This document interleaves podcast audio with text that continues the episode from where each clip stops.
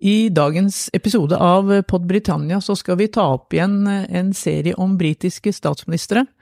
Vi har jo tidligere snakket om alle statsministre fra Margaret Thatcher og fram til Boris Johnson, men nå har vi fått to nye, Liz Truss og Rishi Sunak, og i dag skal det handle om Sunak, mannen som i dag sitter i Downing Street. Liz Truss skal vi komme tilbake til.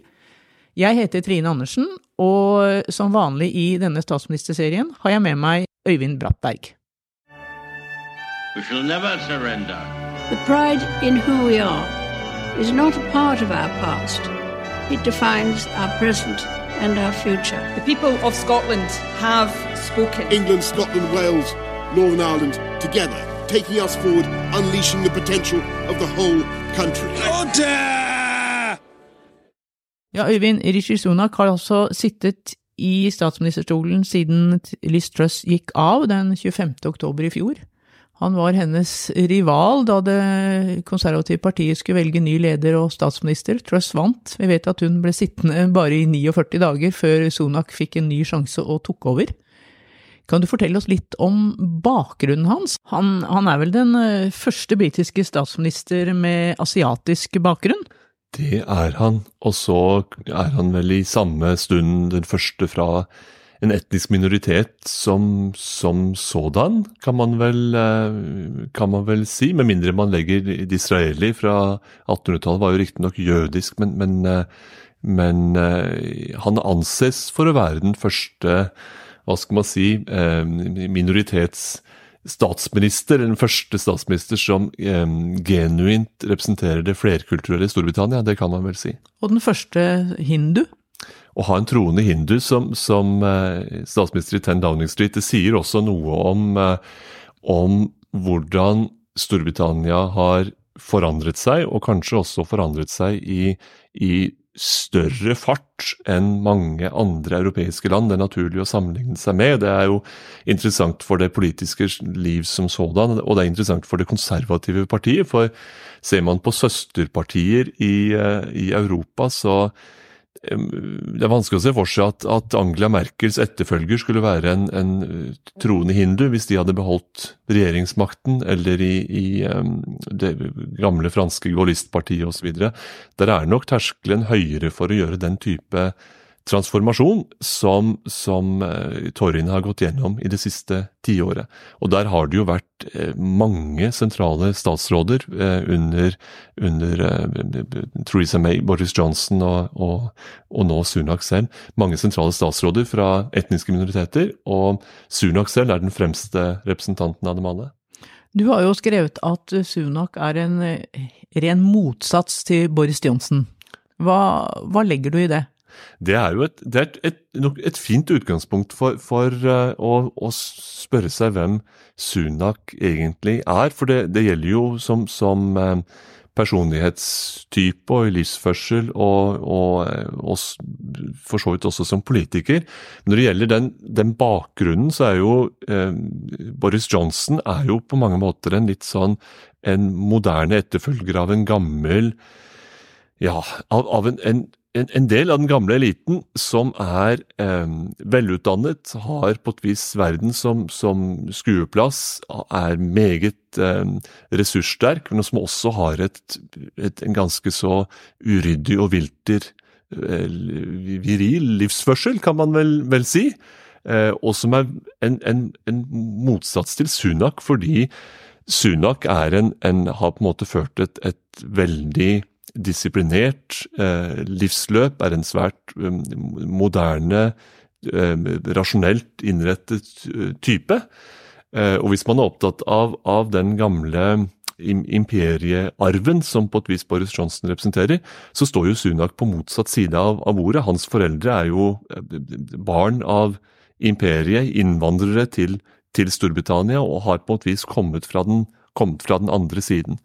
Eh, så det er forskjellig bakgrunn og forhistorie. Det er forskjellige måter å tilbringe egen um, utdanning på. Uh, Sunak var også på, på privatskole, og han var også i, i Oxford, men, med, men, men, ikke en del av den litt sånn brautende og ville stilen til Boris Johnson, som brakte ham videre til avisredaksjoner og, og det politiske eh, dans på bordene, hadde jeg nær sagt. Eh, Sunak har, har, gått stille fram gjennom sin egen, sitt eget karriereløp, og har kommet til statsministerjobben via ganske andre kanaler enn de Boris Johnson gjorde.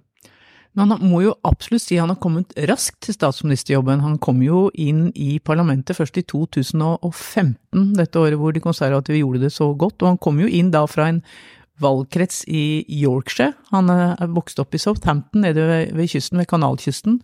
Men kom altså inn i en valgkrets som, som William Haig, den tidligere partilederen, hadde hatt, til, hatt og som var et veldig trygt konservativt sete. Haig hadde vel ca. 20 000, hvis jeg ikke husker feil, i, i, i flertall der.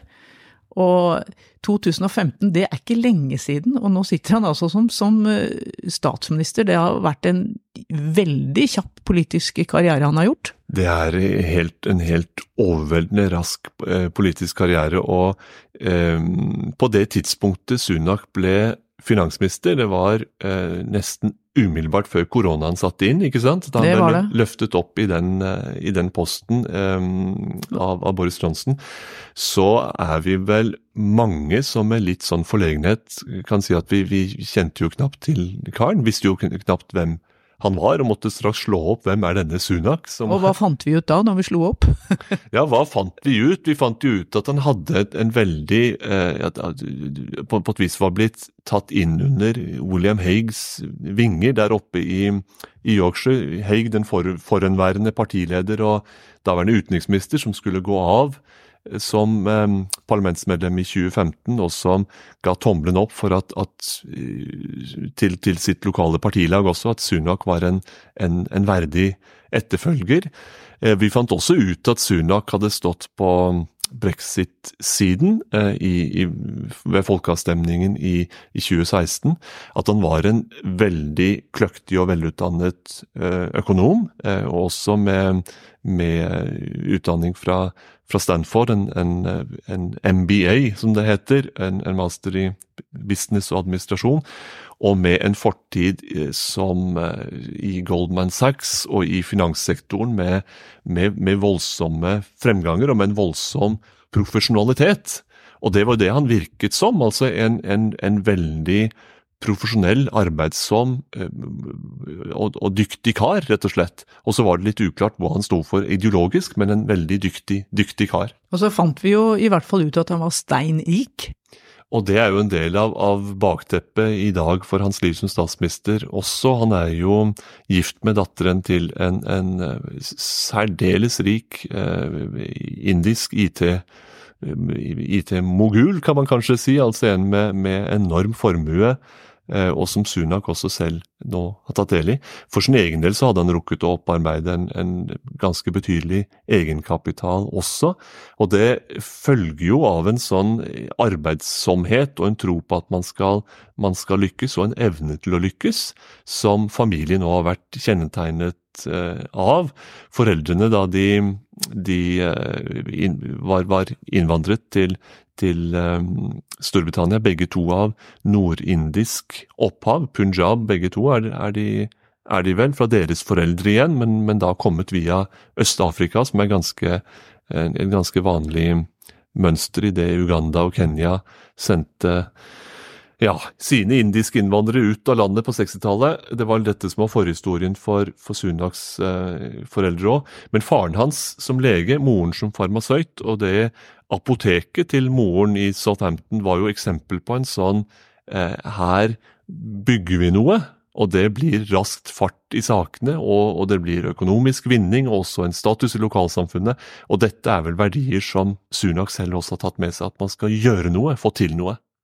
Men er han for kjedelig for, eh, brit, for briter? Jeg mener, du skal jo ha en viss appell. Boris Johnson hadde jo appell fordi han var en rotekopp og liksom, ja. Boris Johnson var Boris Johnson, litt, en litt lad, liksom. Men Rishi Shunak er jo da avholdsmann, er han ikke vegetarianer også? Jo. Ja. Så det, det blir ikke noen skumne halvlitere på ikke. heller, hvis man skal begynne nye, nye, nye venner. Det, Selv om han har en, faktisk en fortid som servitør. Han jobbet vel som det, tror jeg, i studietiden. det, det, gjorde han jo. Det, det er liksom i den, i den historien som skal fortelles om man, hvem er man egentlig, hvordan har man kommet til der, der man er som toppolitiker, så forteller Sunak om, om morens apotek, om arbeidsomhet og, og eh, materiell suksess i og for seg, men også både selvrespekt og anerkjennelse i, i lokalsamfunnet. Og så har han selv blitt en drivende dyktig eh, eh, fagøkonom, kan man vel si, og har tatt med seg dette, den, arbeids, denne arbeidsetikken også inn i rollen som politiker. Og det, Da kan du spørre om han er for, for kjedelig. Noen vil si at den type ryddighet og evne til å få ting gjort, at det er presis hva man trenger etter et regime som Boris Johnsons. Men samtidig skal det også være Man skal jo ha et, et um, utsyn og et politisk verdisett, noe å gå til valg på som handler om mer enn å få ting gjort. Eh, en, en retning for både partiet og landet osv. Og, så og der er det jo fortsatt under konstruksjon, kan man si. Eh, hva er det Rishi Sunak, hva slags Storbritannia er det han vil bidra til å, å bygge, og hva slags politisk prosjekt er det? Det er jo et, et, et, spørsmål som vil bli gransket, eh, som har blitt gransket i og for seg i løpet av hans første drøye halvår som, som statsminister, men kommer til fortsatt å være gjenstand for masse debatt på veien mot det, det første valg, eh, det valget som, som, kommer, hvor han skal forsvare sin rolle som statsminister. Og det er En del av problemet er jo også at han har blitt løfta inn i rollen uten at andre enn partieliten kom til orde. Det ble ikke noen uravstemning om hvem som skulle etterfølge Liz Truss. Det ble rett og slett et, et kompromiss internt i parlamentsgruppa om at dette, da går vi for Sunak. Og slik blir det. Og det betyr jo at han har mye å svare for, og mye han skal på et vis forsvare når han etter hvert i løpet av 2024 kommer til eh, neste parlamentsvalg. Ja, vi regner vel med at det blir et parlamentsvalg høsten 2024, sånn som det ser ut nå, er det ikke det de fleste tror?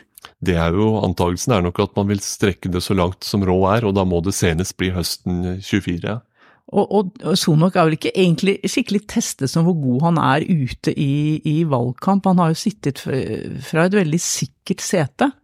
Så det, er jo veldig spennende å se hva slags appell han har ute blant vanlige velgere. Hvis vi kommer tilbake til dette med rikdom, det er jo veldig mange som, som sier at kan han da forstå at vi strever med regningene, han som er så rik, han har leilighet og hus i et Porsche-område i South Kensington i London. Han har stort hus oppe i Yorkshire i valgkretsen sin der i Richmond. Han har penthouse-leilighet i Santa Monica i California. Og kan en sånn mann forstå de problemene vi sliter med til hverdags? Kan ikke det bli en kjempeutfordring for han i en, valg, i en valgkamp? Det er et veldig, veldig interessant spørsmål. Det er ikke noen tvil om hva Labour som opposisjonsparti vil spille på i, i, i så måte. En, en, leder som er out of touch, og som, som ikke, ikke, kjenner til vanlige folks kår og hva de, de, sliter med. Så det vil nok bli et, en diskusjon hvor, hvor effektive den typen angrep vil være, er, er, ikke så godt å si. Det er ikke så, så åpenbart som man kanskje skulle tro at, at, det vil være rammende.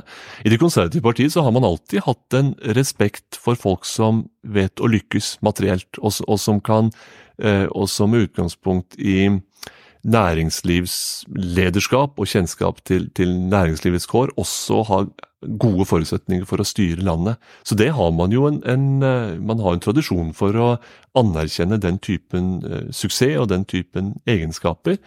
Men så er det litt andre tider i, i dag, og, og, når torgene tidligere har holdt seg med, med, med ledere med den, den, altså med den type egenskaper, så har det også ofte hatt en litt sånn halvaristokratisk og hjemlig eh, noe hjemlig og trygt over seg. Eh, Sunak har litt mer av det globale over seg. Han har litt herfra og litt derfra, og, og fremstår kanskje som en litt sånn en mann uten veldig dype røtter, og som først og fremst lager en liste med kulepunkter over oppgaver som skal løses, ting som skal leveres. Og det kan jo være effektivt en stund, men så trenger man også noe slags jording, på en måte en direkte dialog med, med folk som gjør at de har tro på hvem de selv er, og at han er en som dem, osv. Og, så og det vil han nok bli testet veldig på, på vei mot det, det valget som kommer. Ja, de konservative ligger jo vel nå godt over 20 prosentpoeng etter, etter Labour på alle meningsmålinger, men det som er interessant, er jo at Rishi Sunak er jo mer populær enn eget parti. Det kan vel også ha noe å, å si inn mot en, et nytt valg? Ja, han har skåret eh, i, i, måte, i, i, løpet av den tiden fra oktober eh, og, det, det, halvåret som fulgte, så har han jo rett og slett gått løs på uløste oppgaver. Eh, evnen til å finne et kompromiss med EU over Nord-Irland var jo en, en virkelig eh, fjær i hatten som viser at det fungerer å gå på en måte gå konkret, konstruktivt og rasjonelt til verks med ting. Og så har han denne, så har han på et vis grepet tak noen andre sånne flaggsaker for eget grunnfjell. Eh, spørsmål om båtflyktninger, migranter i kanalen, og på en måte sette hardt mot hardt der. Gjenstår å se hvor effektivt det blir, men retorisk har det iallfall fungert for egne kjernevelgere.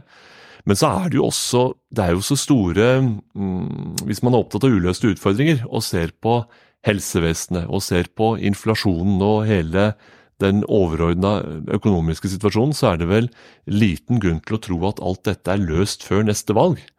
Eh, så jeg tror noe av utfordringen her er at, at det krever såpass mye tålmodighet å få bukt med en del av de store samfunnsutfordringene i Storbritannia. Og det er utfordringer som det, det konservative partiet nødvendigvis må svare for, fordi de har hatt 13 år med regjeringsmakt. Og Det er ikke Sunaks eget ansvar at, at, det har blitt så vanskelig som det er, men det er hans ansvar å finne en løsning på det. og det, vel, det skal bli vanskelig å finne de løsningene før, før man eh, nødvendigvis kommer til, til valg om å må si at dette er hva vi har klart og hva vi ikke har klart. Det vil det fortsatt være en del han ikke har klart å få, få bukt med. Ja, og det var jo en voldsom arv han fikk fra Liz Truss, da. Han skulle prøve å, å få stable økonomien på beina igjen, sånn noenlunde i hvert fall. Og han er jo ikke redd for å, for å øke skattene, han da. Det er han jo ikke, og det er jo også et kjempeinteressant poeng. fordi han sier jo at han er en tradisjonell eh, Tory, at han ønsker seg et Storbritannia med et lavere skattenivå, med et, et sterkere privat næringsliv, med mindre statlig inngripen osv. Men samtidig er han jo finansministeren som under koronaen blåste ut offentlige midler i øst og vest for å holde maskineriet gående, og som i ettertid har, har skrudd skattenivået opp på mange felt, rett og slett for å bringe eh, budsjettet i balanse, og for å ikke la statsgjelden løpe over, eh, over alle støvleskaft. Og det sier han er noe som må til, og så skal vi etter hvert komme til det lavskattsamfunnet vi ønsker oss. Vi må bare gjennom en lang og vanskelig periode først. Og det er jo eh, det, det, kan, det er jo et, eh, på et vis et holdbart resonnement, det, men for de utålmodige så virker det jo som at han er mer av en Gordon Brown-lignende statsminister. altså Minner mer om en venstresidestatsminister, fordi han ennå ikke har bevist hva det, hva det vil si å drive høyresidepolitikk. Helt til slutt, Øyvind, skal vi snakke litt om hvordan han gjør det i eh, spørretimen i, i Underhuset. For det er jo en eh, viktig, viktig, del av eh, hvordan statsministeren blir framstilt utad. Det sendes jo på TV-en, og det er mange som ser på. Det er jo et teater, et stort spill, som vi har sagt før. Men jeg har sett, sett på det ganske mye, og jeg syns jo på en måte så er det en litt annen Rishi vi ser der. Han prøver, prøver, nesten å være en litt sånn Boris Johnson og gå litt sånn mm. voldsomt til angrep på, på Chris Starmer, og det faller han ikke helt naturlig. Men eh, jeg vet ikke, hva, hva slags kommentar har du til det? Det faller ham ikke naturlig, det gjør vel ikke det. Det, det, altså det å være eh, litt sånn rettskaffen, eh, fornuftig næringslivsleder passer ikke med den type konfrontasjon som man bedriver i Underhuset.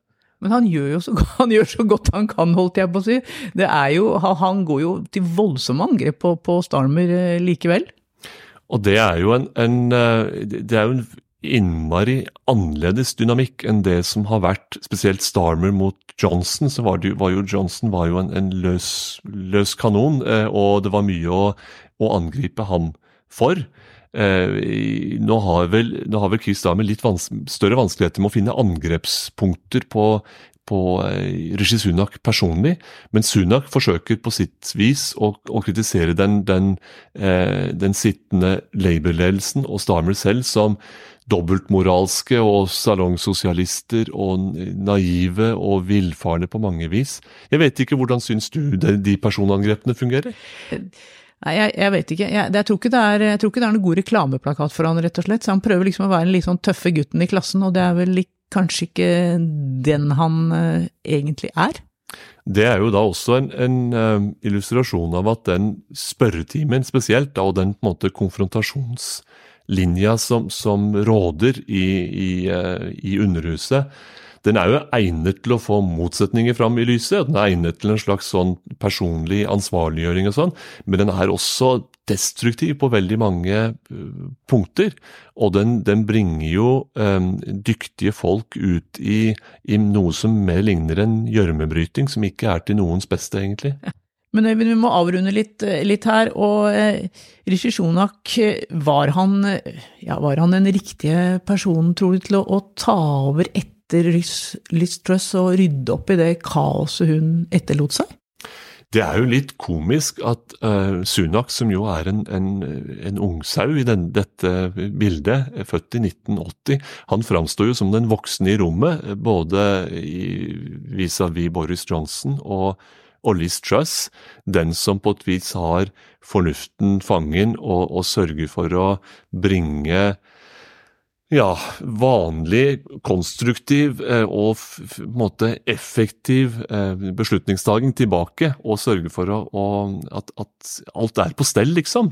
Og, og, det var jo mange som mente at det var helt nødvendig etter en veldig turbulent periode. Eh, Boris Johnson hadde sine mange varianter av turbulens. Liz Truss hadde først og fremst denne kaotiske eh, innføringen av, økonomisk politikk som ikke var, var egnet. Nå skulle Rizuna komme inn og, og sørge for et, et, et stødig eh, stødig ferd videre. Er det nok til å, å vinne et valg? Det vil tida vise. Men at han var det som trengtes umiddelbart etter den korte Trust-perioden og den litt lengre Johnson-perioden. Det tror jeg mange i, i partiet iallfall mener, at det har vært en, en nødvendig eh, hva skal man si, innføring av sunt levesett og, og, og, god helse. Så får vi se hvor lenge det varer. We shall never surrender. The pride in who we are is not a part of our past. It defines our present and our future. The people of Scotland have spoken. England, Scotland, Wales, Northern Ireland, together, taking us forward, unleashing the potential of the whole country. Order!